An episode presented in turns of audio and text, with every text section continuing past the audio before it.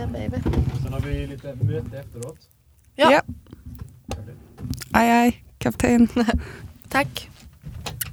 Jag tycker att vi ska ha någon typ av så här, att se Jonas som någon typ av så här, sjökapten eller fartygs... eh, Men alltså allvarligt Pirat. talat så är det ju han som styr det här skeppet. Ja, det är ju det. Vi bara, eh, kan du klippa bort det där? Kan du eh, eh, få oss att låta lite smartare? Så att efter varje avsnitt så följer 15 000 panikartade caps lock mail kvart över tre på natten till, till Jonas som klipper. Fuck, kan du ta bort det här? Radioplay. Kom igen Hellner! Really? Har jag så mycket daddy issues? Alltså jag blev så kär. Hej Flora, Hej Fr- Frida. hur mår du? Jag fick inget kaffe, det var slut i, i Fanns bara i den som heter stark. ja, eh, så att jag mår halvbra. Ehm, men ehm, Jag sitter och smuttar på, på en kaffe medan du heter. mm. Nej men ehm, jag tycker att jag mår helt okej. Det är som det är. Jag förstår, berätta mer. Skojar. Eh, nej, men jag åker till Lissabon nästa vecka och eh, det är så jävla mycket jag ska göra innan dess. Flyttar du till Lissabon nästa vecka? Uh, 10 mars. Jag har inte tagit in det. Nej men nu kan du göra det, varsågod. Eh, Mm. och det, det ska bli skitkul men det är också så här, jag har typ du vet, haft den resan så långt fram i tiden och inte riktigt tänkt på det. Så här, Mm. Bokat allt och bara, "Ah, ja men det löser sig. Och så nu kommer jag på att jag ska åka iväg och på ett sätt känns det asskönt för att det är så skönt att komma iväg när man inte har någon som typ ringer och bara hej hej kan du fixa det här? Typ. Mm. För att det kan man inte när man är i, en annan, i ett annat land. Men det är också Där kan man inte göra någonting. Nej, där kan man bara sitta och dricka kava. Men det är väl också lite det här med att man hoppas, eller min förhoppning är ju att jag ska kunna skriva min bok, min andra bok i Lissabon, eller delar av den. Och tänk om jag inte kan det då? Vad händer då? Då blev det ingen bok. Nej, då blev det ingen bok. Och det var tråkigt och då får jag jättemycket ångest. Skit samma. Hur mår du? I helgen vaknade jag upp av eh, ett väldigt, väldigt bekant ljud. Eh, och det ljudet låter ungefär så här. Där Bauer är först upp. Där Vylykshanin är tvåa. Olsson trea. Och nu kommer Petter Northug. Nu kommer han svepande. Och Han kommer fruktansvärt nu är han trea, Northug. Det vill säga ljudet av eh, skid-VM. Ångest. Det där är, för mig är det där alltså, att ligga hemma med feber och tvingas titta på det där för att det inte finns något annat bättre på tv. Oj, oj, oj, oj, oj. Så inte min... Alltså för mig, det här är så här det mest trygga, välbekanta barndomsljudet. När det är typ så här de här, med de här tutorna och klockorna och eh, kommentatorerna och eh, längdskidåkarna, som bara, män som ropar ut olika efternamn. Eh, och typ säger, ja, och, eh, och olika eh, lines liksom om det. Ja, Jag kopplar det där till liksom feberdrömmar, typ febervåndan. Och bara, Ta mig ur från det här. Gud, så himla olika uppfattningar. Men då i alla fall så eh, fick jag såna sjuka känslor för jag insåg att jag typ är ihop med min, eh, med min pappa. Ja, just det. För när jag väcks av Andrea som ligger och kollar på, på det här och ropar ut efternamnen på de svenska åkarna. Bara, Kom igen Hellner! Nej men det var märkligt. För att jag, min pappa är eh, längdskidåkare och har åkt jätte, jättemycket. Så att jag är så himla uppväxt med det här ljudet kopplat till, vad är det snart, sportlov. Mm. Eh, själv tycker jag inte om att åka längdskidor men bara hela den trygga situationen. Typ. Mm. Eh, och det var väldigt eh, speciellt då att höra sin pojkvän ropa och göra de ljud som en, ens pappa alltid har gjort liksom, och, och tittat på. Men det är nästan som att man, man känner lite skam när man kommer på likheterna. Ja, man sneglar, här man sneglar på Andreas och bara really? Har jag så mycket daddy issues? typ. När jag och eh, min kille började dejta så hade jag en, har jag, jag har fortfarande en grej men det var också då att jag, så här, jag tyckte så himla mycket om hans underarmar för han har så här väldigt mycket mjukt hår på underarmarna som är så här mörkt och lent så när man kammar det åt ena hållet, så här, st- stryker det runt ena, eller åt ena hållet så är det väldigt skönt. Mm. Eh, och jag kunde liksom sitta och du vet, kolla i hans här, taggade bilder på Instagram och så titta på typ bilder där man såg mycket av hans armar. För jag, bara, Gud, alltså hans, jag har en mobilanteckning som är så här kan bara tänka på Isaks underarmar, Isaks underarmar, Isaks underarmar. Vilken sjuk kroppsdel. att- jättekonstigt. Och sen så eh, pratade jag med min mamma och jag frågade henne typ så här, men vad var det som fick dig att, att så här, falla för pappa? Nu är inte de gifta längre men då var de i, i 20-årsåldern och hon eh, träffade honom på en bar för de hade gemensamma kompisar och så satt han där eh, med skjortärmarna uppkavlade.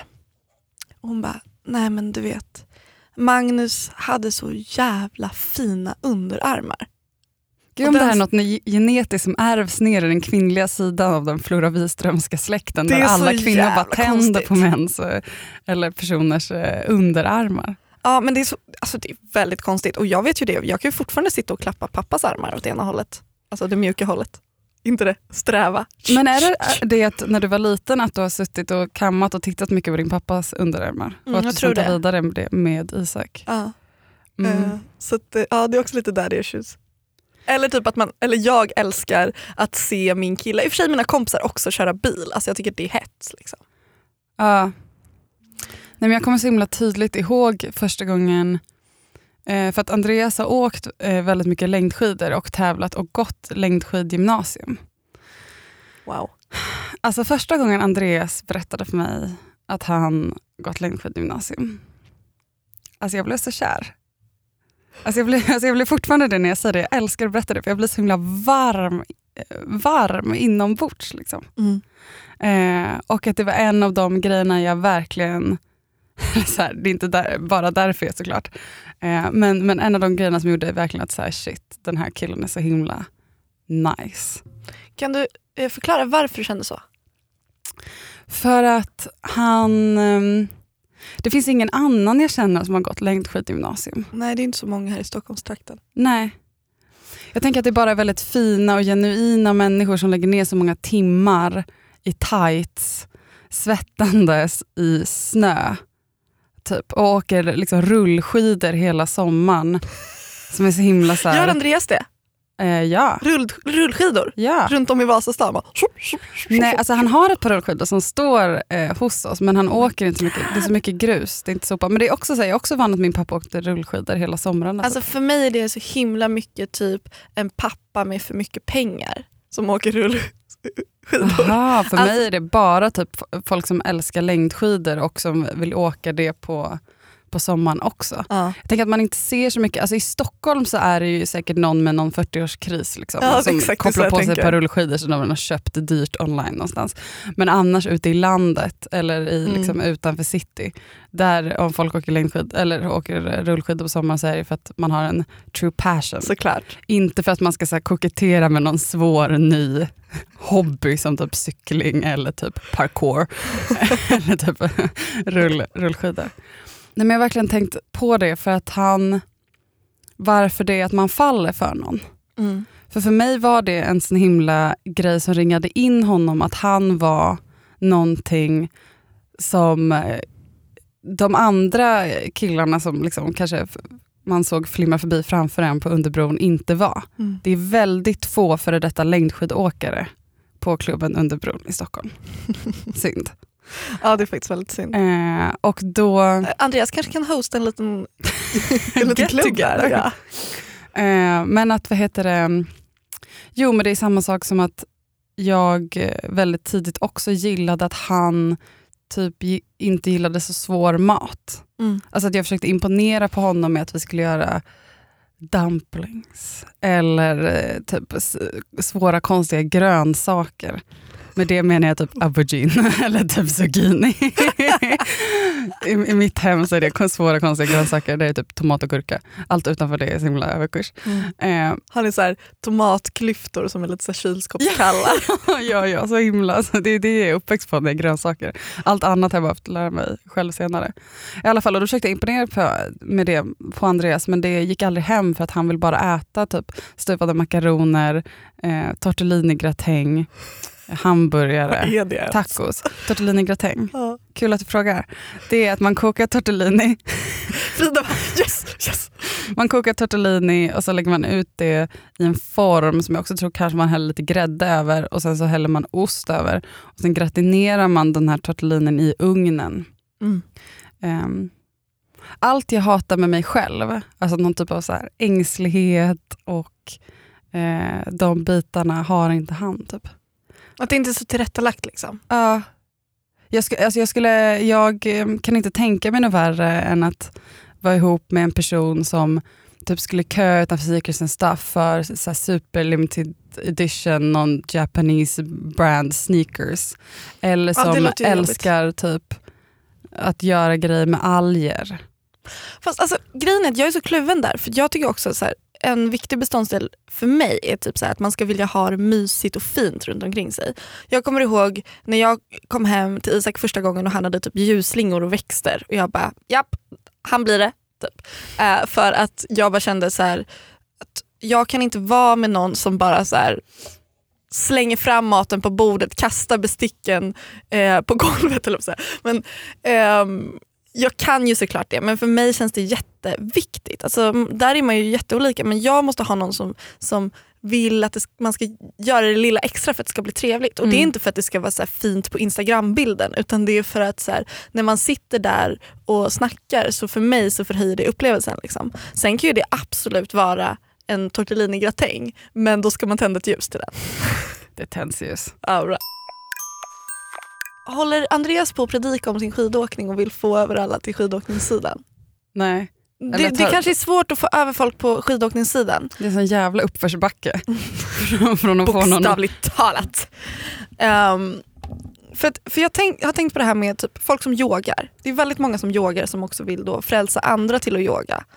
Eller liksom gå runt och säger då att jag har hittat yogan och det här vill jag verkligen liksom, ja, men lite pracka på det. Typ. Lite, lite frireligiöst eh, på något sätt. Ja för folk kan bli, alltså, känna sig frälsta när det kommer till surdegsbröd, att man har köpt en nice pastamaskin, att man har börjat eh, studsa runt på Friskis och Svettis, Flora Wiström, att man har blivit ve- vegan, Flora Wiström. Eh, alltså, man kan ju gå runt och så här, predika om sina så här, nya nörderier. Och jag är väldigt så här, medveten om att jag själv kan komma in i sådana perioder och det är för att man typ gör sin research väldigt väl när man har kommit in i en ny period där man har hittat något man tycker är nice. Och då är det ju det som upptar ens värld. Och kanske för att man ska gå, kunna gå all in i eh, någonting nytt så kanske det, blir, så kanske det formar hela ens värld. Men att, att det är också det störigaste som finns när någon bara, men du, jag har börjat cykla. Ska, nej, vi tar klättring istället. Jag har börjat klättra. Ska inte du följa med och klättra? Det är så jäkla skönt. Det är så bra, man blir smidig, det är så roligt för man får hänga. Man får, du vet, att folk ska så här, då få över en på sin sida. Mm. Yoga är ju ännu värre. Mm. För då man så här, jag är så himla lugn och skön efteråt. Jag känner liksom att jag bara bottnar mer i mig själv och kommer bort från mitt huvud. Och, ja, men jag rekommenderar verkligen det här. Och ehm, Men är inte det härligt då? Jo, alltså jag är ju likadan själv. Men det kan också vara så fruktansvärt jobbigt. Ja. Jag, eh, jag bara tänker så här att det är väldigt lätt att gå runt och mässa om saker och tro att, att alla vill höra på det bara för att man själv är så himla taggad på enzymer och fria radikaler eh, fast någon annan inte gives a fuck. Liksom. Jag tror att här, om man blir riktigt passionerad över någonting så är det ju någonting bara i en som kliar att man vill dela det med andra. Ja. Också av lite välvilja kanske. Att man vill känna sig shit jag känner så himla starkt för det här. Typ så här, Jag vill ge den här starka känslan till min vän Flora. Mm. Men sen så, Eller förra året när jag bara, "Nej, jag ska sluta feströka, jag har tittat på den här, den här dokumentären nu och nu vet jag allt om rökning och jag bara i podden bara, hörni, vet ni hur många som dör varje år?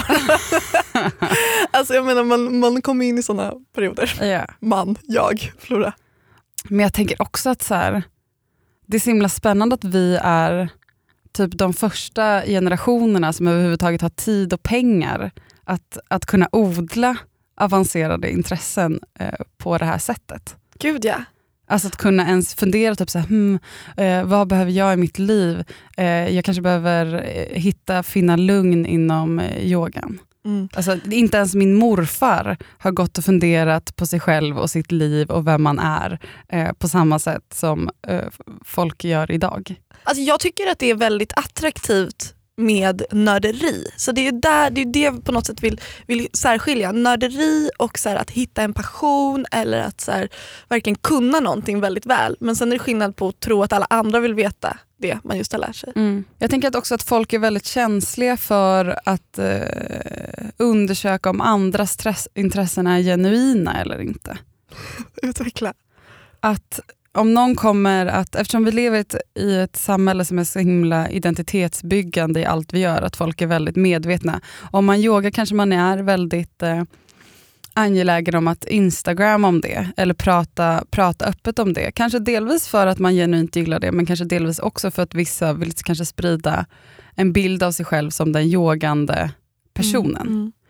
Jag ser bara se framför mig att någon har köpt den här pastan. Vem har ens en pastamaskin som inte på riktigt har typ en italiensk liten restaurang i någon pittoresk by? Bara det är sin varningsklocka. Men om någon har en, så här, en pastamaskin, och då kan jag direkt se framför mig att den personen har köpt någon väldigt snyggt designad bok om pasta och efter det börjar så här, predika om hur intressant pastans historia egentligen är. För att den har kollat på de här snygga fotografierna i den boken. Typ. Det tänker ena halvan av mig och sen andra halvan av mig tänker, eh, men vad härligt då. Eller då kan väl den få hålla på och göra det. Ja, jag är med dig. Eh, den här, eh, apropå pastamaskin. Jag var inne på, mm, vad heter han, Benjamin Ingrossos Instagram häromdagen. Mm. Alltså, hans tema på hans Instagrambilder är ju så här, han själv, lite musik och pasta. Men det finns ju det klassiska typ, klippet från, eh, klassiska, gud vad jag, gud Pratar du om. Wahlgrens värld nu? Ja, jag pratar om en, en, då finns det en scen där han bryter ihop efter att ha kokat, eh, gjort överkokt pasta. Ja, alltså det är det som är så roligt. Så när jag ser de här bilderna på någon så här linguini, tomate, partarello, då eh, tänker jag bara på hur han har stått där och svettats. Uh, Fast det är också väldigt roligt för att varannan bild är också typ, vadå stått där och svettas? Det är så himla lite jobb i att göra pasta. Man står och tittar på han den kanske har en medan kokar. pastamaskin. Ja, det är sant. Men jag tror att han bara kokar. Ja, men det, Det handlar ju bara om svårt. patience Han kanske timing. håller på att skapa en ny, ny låt under tiden och då blir det lite sådär. Så det svårt. jäser runt med grytlocken. Ja. Men du sa en grej som jag reagerade på. Du sa, ehm, min morfar har nog inte ens tänkt tanken eller är inte intresserad av att få en ny hobby. Eller något sånt där sa du. Eh, Jag tror att reflektera, typ, reflektera vem han är på något så existentiellt eller så här, eh, mer så plan. Alltså han har ju hobbys. Ja. Han Ehm, mekar med bilar. nej, men för jag tänker på den grejen med eh, pensionärer. Och så här, de gamla vi Grejen har. med pensionärer. ja, grejen Ska med vi ägna de gamla en tanke? Eh, gamla människor i ens närhet, Mm. vanligtvis far och morföräldrar, Mm. att ehm, vi på något sätt förutsätter att de är allt, bara det de ger sken av att vara. Mina bröder har lite inställningen att ja, men mormor och farmor tycker att det är så kul att höra om vad som händer i vårt liv. När jag frågar vad de pratar om när de hänger. Ja, men de tycker det är så här kul, jag bara berättar om så här, mina, mina barn och vad vi gör om helgerna, en cykeltur i San Francisco. Du, du, du. Jag bara så här, ja, alltså, de tycker säkert att det är jättekul att höra på det här. Men de här människorna har också saker att berätta. Alltså Det känns som att väldigt många eh, unga åker hem till sina mor och farföräldrar och bara berättar vad som händer i deras liv för att de tänker att det, de gamla inte har något att säga. När jag ringer min morfar till exempel, eh, då ringer jag upp honom i några minuter och berättar om eh, vad jag har gjort i veckan och sen lägger jag på. Eh, då känner jag mig som världens bästa barnbarn. Jag skulle vilja säga att du Ba- inte är världens bästa barn. Bara för att jag tänker så här, okej men nu har jag typ ringt och han har fått höra min röst. Jag typ ljusat upp hela hans vecka. Ja men vi minimerar de här människorna som har levt så jävla länge och är så jävla visa till någon slags så här, vi invalidiserar dem och så här, pratar också med dem lite så här, ja, mm, ja, åh, ska jag hjälpa dig lite, åh vad gott det här var. Mm, mm, mm. Ehm, och ehm, nu predikar jag om det här ungefär som om jag precis har upptäckt min pastamaskin. ju. Men ehm, det jag har gjort det senaste året är att jag har börjat hänga med min farmor på ett väldigt nytt sätt. Eh, Min farmor är född 23, vilket gör att hon fyller, hur mycket? Den, nu 94? Jag räknar på fingrarna. Oh my god. Alltså min hjärna är inte ens uppkopplad. Hon är fortfarande väldigt pigg, hon har ingen hemtjänst eller någonting utan hon bor där och hänger runt och jag åker ut till henne då och då. Eh, och det senaste året så har jag, eh, kanske delvis för att jag, hon upplever att jag har blivit Eh, gammal nog men också för att vi har börjat hänga kanske på ett annat sätt. Så det senaste året har jag eh, börjat fråga henne saker. Hur var du när du var i min ålder? Vad var du ledsen för? Vad var du glad för? Sådana saker som öppnar upp till samtal som hon liksom... Eh, ja, hon har sagt flera gånger så här, Flora det här har inte jag berättat för någon. En, en grej som hon berättade var att, till exempel att Um, hon hade en ettårig unge och sen så låg hon på BB och födde eh, sitt, sitt andra barn. Och min farfar kommer in i um, sjukhussalen och ser jätteglad ut. Och hon blir så himla pepp för hon tänker gud vad kul att farfar, eller ja, han då, um, är så himla glad för det nya barnet. Så här, vad mysigt, vad härligt det känns. Och sen så ställer han sig där vid sjukhussängen och säger att han har fått ett stipendium och ska åka till Amerika i ett och ett halvt år. Och det här är liksom hans, han, han bara upplever sån otrolig lycka över det här och sen drar han. Och sen så har hon två små barn hemma i Sverige. En annan grej är att hon så här, eh, flyttade till Göteborg när hon var, var i vår ålder och eh, skulle börja plugga på slöjdföreningens skola som idag heter HDK. På den tiden så gick flickorna textil, pojkarna gick ehm, trä. Också roligt att man sa flickor och pojkar om så här, vuxna människor.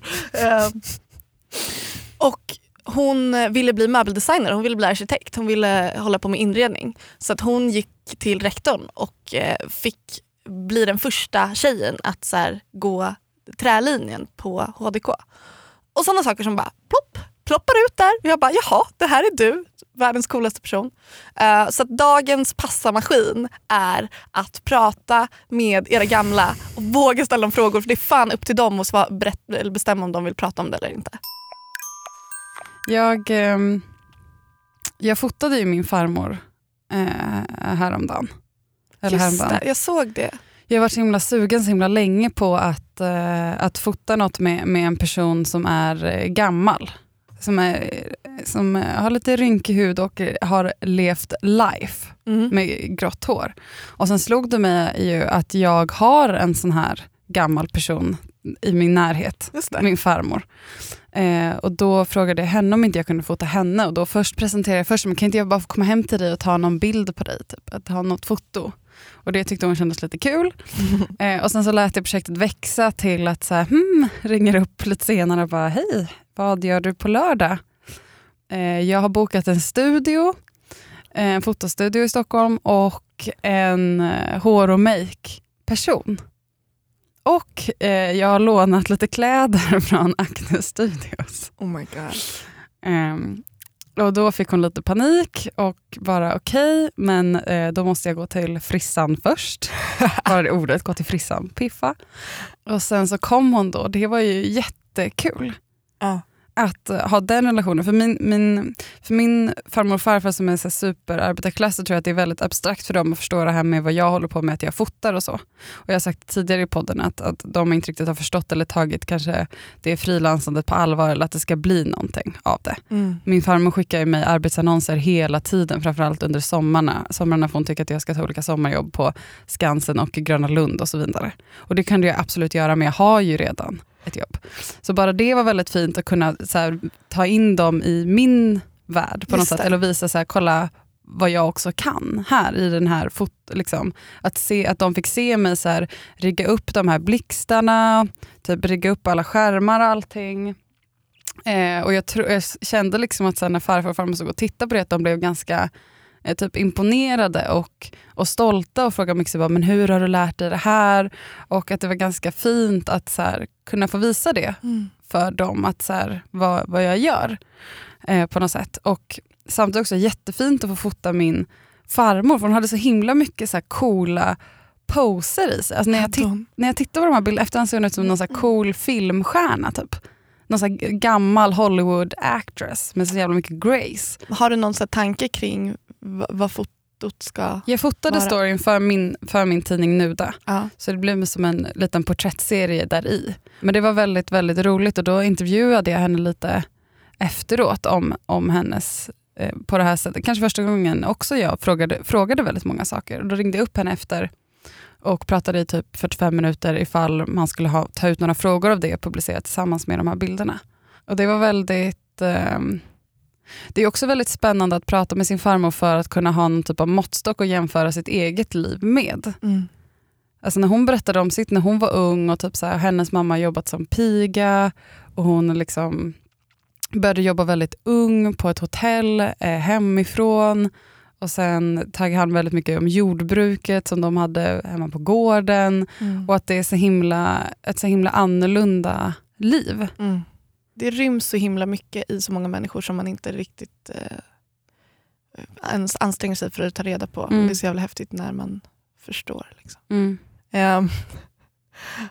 Jag måste bara säga en grej om min mormor. Min mormor har bott, har bott i Hälsingland länge. Det är dit jag ofta Ja. åker också. Men hon eh, brukar då i vanlig ordning gå ner till älven, ställa sig på eh, stranden, eh, kasta av sig baddräkten och stå där i sin eh, nakna skönhet och, och ropa Hej alla jägare! Och så dyker hon i. Ja, sån är hon. Så det finns ju gamla och gamla. Liksom. Det är, För fan vad härligt. Ehm, mm, det är fint. Häromdagen så eh, funderade jag lite över min klädstil i, i början på gymnasiet. Mm. Eh, och då kom jag, eh, började jag tänka tillbaka på hur jag faktiskt såg ut och började liksom inse att jag, då var det väldigt inne inom hipstersvängen att, att klä sig väldigt mycket som en tant. Ja. Och jag gick till, väldigt mycket till Skopan, en second hand-affär i Upplands Väsby, som var väldigt, väldigt stor eh, och väldigt, eh, inte så urplockad och dyr som second hand-butikerna inne i stan. Mm. Utan mycket lägre pris för att folk där ute lämnade in grejer. Och framförallt var det väldigt mycket dödsbon som hela tiden hamnade på Skopan. Eh, En svag lukt av förmultnat kött. Nej, men, men okej. Eh, och då slog det mig i alla fall att jag eh, bar ju kläder från, från dödsbon och att hela min garderob på något sätt är ju bara vad kvarlämningar av olika döda änkor som heter typ Majken eller Maj-Britt. Och, och på ett sätt är det väldigt morbid att tänka så men på ett sätt också väldigt fint att Inga-Britts typ så här, eh, skjorta med krås sen bars vidare på någon ung tonåring som spillde ner den med typ så här vin och hångla i gräset. Typ. Gud vad jag romantiserade det där. Så var det kanske inte. Och stackars henne, hon hade blivit jätteledsen om hon hade spillt vin på det. Säkert. Verkligen, hon skulle aldrig spilla vin på sin Hon skulle aldrig göra det. Hon Då skulle hon lägga den i, i, salt direkt. Och om hon gjorde det skulle hon ha ungefär 511 husmorstips på, på att ta hand om det. det- Alla såna kläder borde ha en liten lapp i så här, fickan. Så här, så här tar du hand om den här. Och som de själva har skrivit. Mm. Gud, vi har ju sett att gamla tanter ska ha tid att sätta små skötselråd de inget att göra, de att prata om. De, fan. Ja, Ja, men det var ju så när man öppnade garderoben, det var så, här, det var så dammigt och så här, Men jag hade verkligen små typ så här, väskor som någon folk hade typ broderat på. Och så här, långa veckade kjolar, typ så här, tantskor. Alltså man hade, jag hade verkligen Ja, såna kläder. jag, jag tog grejer ur min utklädnings, utklädningslåda. Mm. Eh, och eh, apropå utklädningslådor så minns jag också en sån här inlämnad eh, rock som vi hade på fritids i utklädningslådan. Som någon från något dödsbo. Där det var en kondom i fickan. Va? Förstår du vad som händer på det här fritidset då? Det var liksom det sjukaste. Så att, det kanske man ska göra. Antingen lämnar man så här husmors, husmorstips i Ja. fickorna eller bara lite roliga skatt. Att hitta. Ja. Det är också väldigt eh, häftigt med all kunskap som äldre kvinnor eh, har.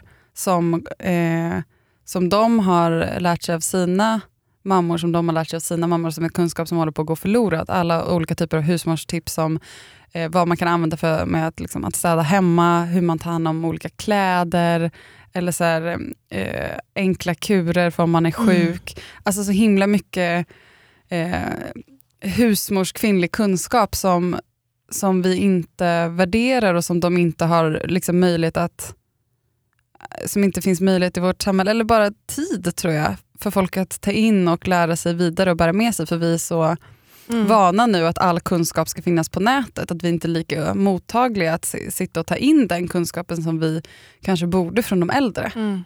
Och att det är väldigt, väldigt tråkigt att all... Det är ju väldigt mycket kvinnohistoria och som kvinnor har experimenterat och lärt sig hemma i sina kök som, som världen inte... Eh, som försvinner på något sätt. För man borde verkligen samla, eller kanske redan initiativ som gör, men folk som verkligen samlar kunskap från, från äldre och skriver ner i en bok Mm. eller någonting. Ja, men jag tänker på eh, trilogin av Kristina Sandberg Mm. som handlar om Maj som växer upp i Örnsköldsvik.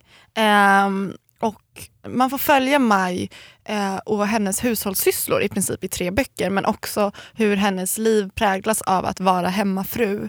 Hon ligger med en äldre man och, då, och blir gravid och då tvingas de gifta sig. Så det är så här, förutsättningar för det här äktenskapet är väldigt dåligt eh, till att börja med. Men att det är så starkt just att, för de här böckerna de är ganska så här i loop. Typ. Nu ska jag panera den här fisken, nu ska jag eh, blanka bänken, nu ska jag eh, mangla lakan. Mm. Och att jag lyssnade på ett, um, hennes sommarprat tror jag det var. Och då så, alltså um, författarens sommarprat. Och då berättade hon att hon då hade pratat med sin mormor eller farmor eller vad det var. Eh, om så här, hur man visade kärlek. Och att för, för dem så var det att visa kärlek var att så här, ha nymanglade lakan till sina barn. Att ha god mat på bordet. Att alltid ha det fint och städat hemma. för att man skulle liksom, Det var så man visade omtanke. Men att idag så är det ju inte så vi visar omtanke. Det är en liten del av det men vi värderar mycket mer att man lägger en hand på en axel och säger gud vad kul att se dig. Men att det var inte verbalt på det sättet. Och det var så himla starkt sen att då läsa de här böckerna och förstå hur mycket så här, kamp och hur mycket kärlek som finns i de här ganska, eh, handlingarna som man ibland kan känna så här, varför fokuserar du på det? Varför tänker du så mycket på att duka fint? Kan vi inte ha det trevligt istället? Är, är det en fi- fiktiv berättelse? Mm. Att någon gör ändå liksom en, en berättelse på det här sättet om ett, ett kvinnoliv. Mm. Eh, Jag kan bli så less ibland när, så fort om det är en film om, typ, med, eh, om andra tidsepoker och så kanske man ifrågasätter varför det är väldigt få eh, kvinnor med i den här filmen. Så bara, men de var inte med och krigade eller de var inte med och fattade det här statsbeslutet eller de var inte med och gjorde det här och det här. Man bara nej, men någonting gjorde de ju. Alltså, Det de, finns ju en, en historietidning som heter Historiskan. ja, som- jag som- följer på eh, Facebook. Ja, jag kan i alla fall säga att den här um, trilogin av Kristina Sandberg um, börjar med att föda ett barn och sen är det sörja för de sina och liv till varje pris.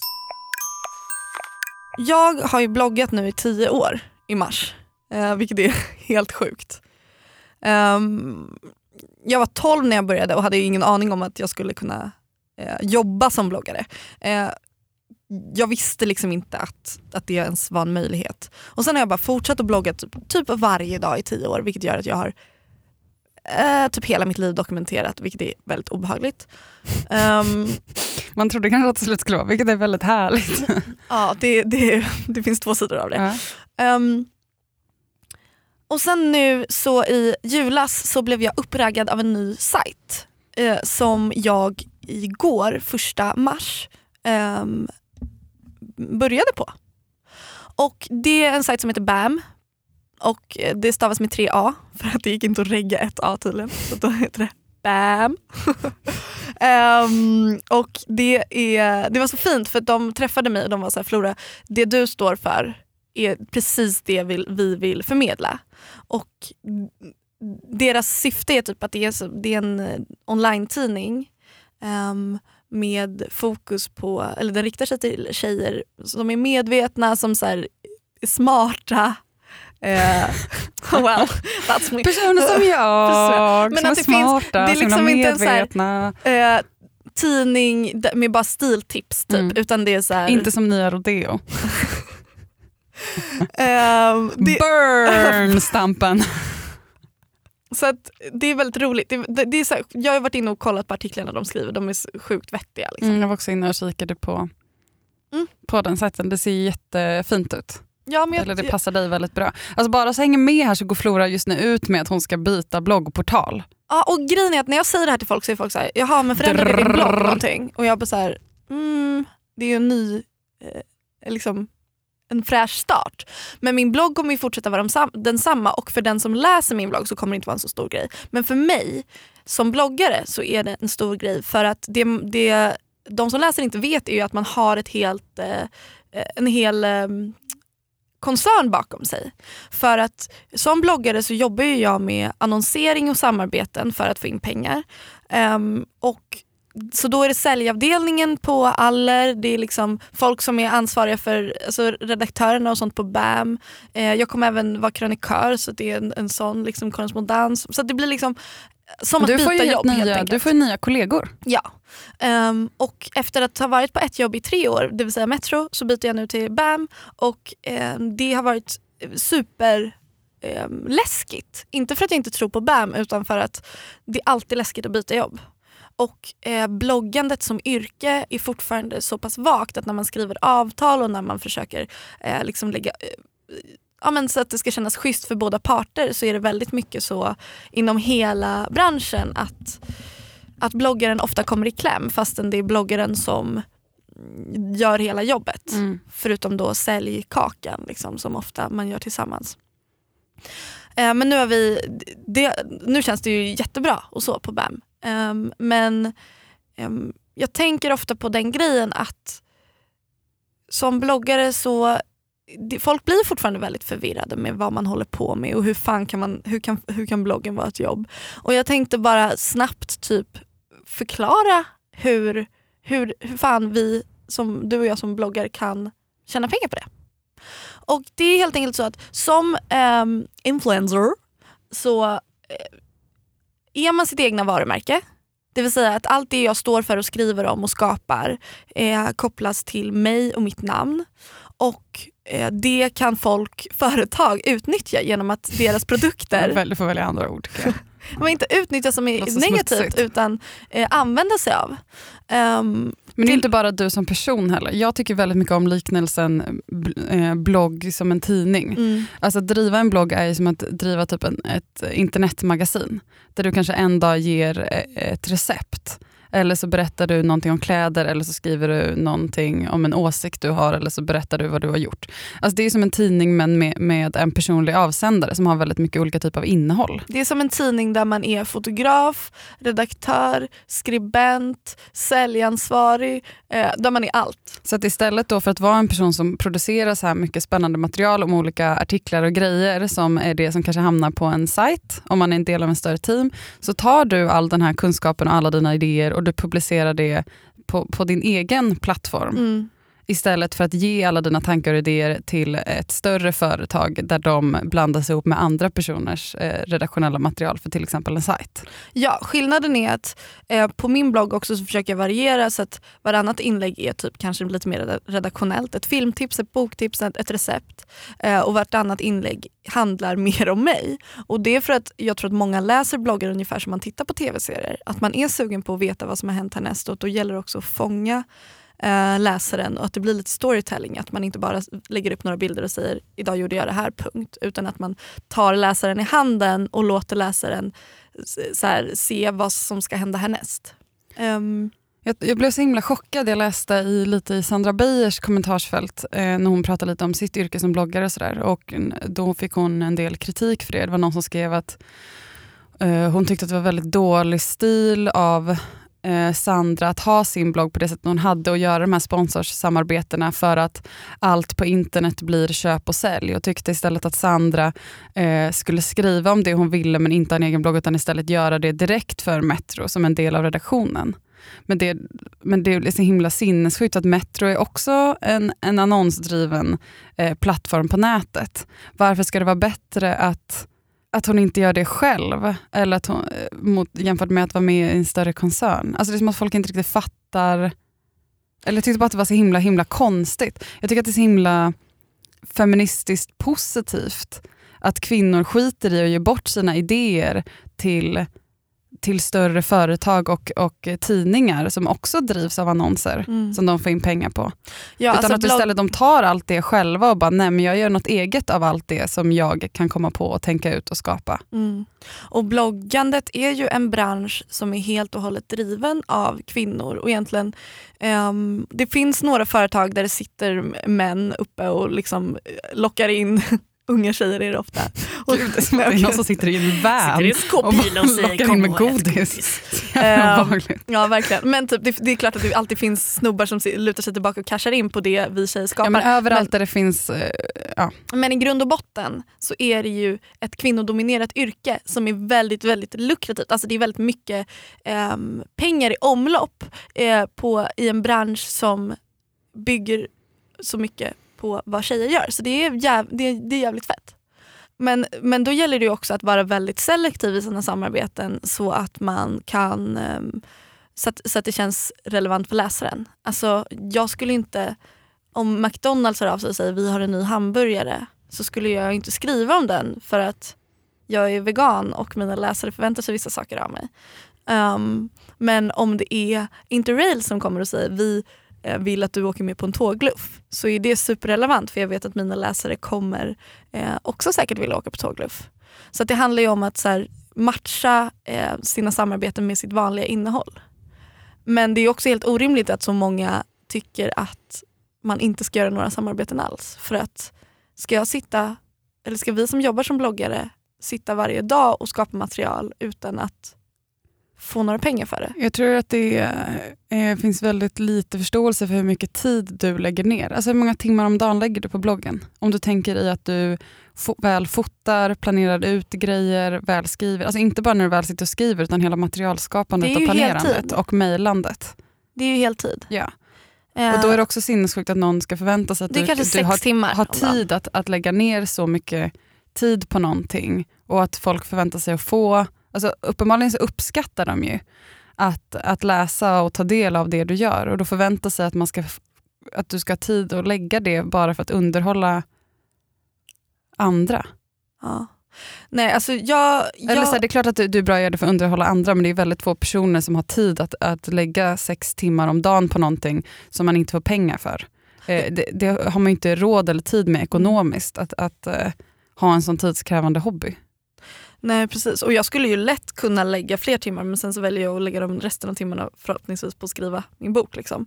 Så att det, är ju att, det är väl det att så här, när man är sin egen chef också, att det finns ingen som säger så här, nu är det dags att, att lägga på locket. Liksom. Och det finns ingen som säger till mig att jag måste gå upp innan klockan 11. Nej precis. Det är svårt, Mm. det är jobbigt.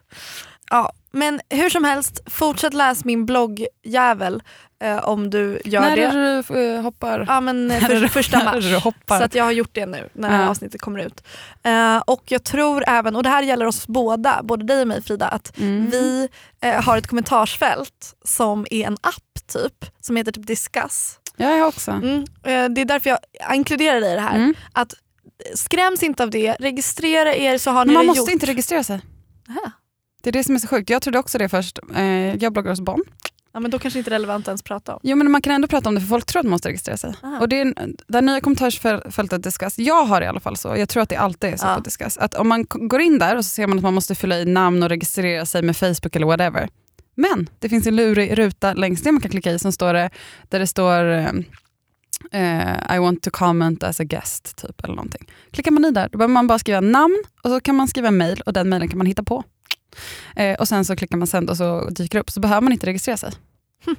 För jag vet att när jag bytte också så var det väldigt många som bara började hålla på att registrera sig och bara det är så jobbigt att registrera sig men sen så man, behöver man inte göra det. Nej, men Så- om man är det så är man också det sen för all framtid. Man behöver aldrig logga in. Nej. Hur som haver, Jag heter Frida. ja, men jag tycker vi gör en Ja. liten sån. Jag, eh, Frida då. hallå hallå. Eh, man hittar mig på Instagram som eh, Frida Vega eller så hittar man min blogg på bond.se slash Frida Vega. Eh, Flora, vart hittar man dig? Ska jag inte säga att du har en tidning också? Just det, och jag har också en tidning som heter Nuda och vi kommer snart att sätta upp vårt andra nummer men jag tänker att jag kommer kräkas ur mig grejer om det mer längre fram. Det ser jag fram emot. Jag. Ehm, jag finns på Floravis med W på Instagram. Eh, min blogg hittar du lättast på florasblogg.se men du kan också söka via bam.se. Eh, och jag har ju den här boken då som jag skrivit, Stanna, som finns på bokrean nu. tycker det är så absurt varje gång du säger det. Eh, Men jag kommer, ihåg att jag, eller jag kommer på att jag nämner det ganska sällan i podden. Läs gärna den. Hashtagga gärna Flora och Frida. Vi har fått lite här. Eh, några som har hashtaggat. Du, lät, du lät så uttråkad när du sa hashtag. Det var så här, Okej, och här är ett moment som är lite omdiskuterat. Vissa tycker att det är kul, vissa tycker inte att det är kul. Ni som inte tycker att det är kul, kan ni stänga av podden? Det händer inget mer. Det är 30 sekunder till av det här. Hej då, vi ses nästa vecka. Till er andra. Det här är de hashtagsen som har kommit in. Chew.on, Eh, som har gjort en liten god smoothie bowl. Eh, MVG Instagram game. Ja, verkligen. Marie- Marie.noel. Smurf, Vilken fin lagt upp en bild på sin kaktus. Eh, någon har ritat Jätten Jorm. Någon har borrat. Det är kul att berätta vad olika personer gör. Oh, det här passar i tema min farmor på Åh. HDK. Klara Knutsson går i Floras farmors fotspår omedvetet. Maja is Batman har lagt upp en bild på oss. Det uppskattar jag framförallt när folk gör. Då mår jag bra. Då brukar jag visa Andreas, kolla, kolla vad någon har instagrammat. Fortsätt jättegärna att hashtagga. Eh, för det är så himla fint också för vi går in där och tittar och kommenterar och har oss. Eh, art underscore by underscore Siri måste jag också bara säga, för hon har ritat av mig. Så. Eh, tack till Jonas eh, som, Lindskov heter som, som styr den här skutan. Skepp ohoj, aj, aj, kapten. Ohoj! Nu ska vi ha möte med honom. Tänk om han hatar allt vi gör. Vi ska ha så här utvärderingsmöte nu. Jag tror att Jonas kommer säga, sluta gör grunda analyser om Trump. Ni kan inte, det håller inte. Snälla, sluta. Ett poddtips från Podplay. I fallen jag aldrig glömmer djupdyker Hasse Aro i arbetet bakom några av Sveriges mest uppseendeväckande brottsutredningar. Går vi in med hemlig telefonavlyssning och, och då upplever vi att vi får en total förändring av hans beteende. Vad är det som händer nu? Vem är det som läcker? Och så säger han att jag är kriminell, jag har varit kriminell i hela mitt liv men att mörda ett barn, där går min gräns. Nya säsongen av Fallen jag aldrig glömmer på Podplay.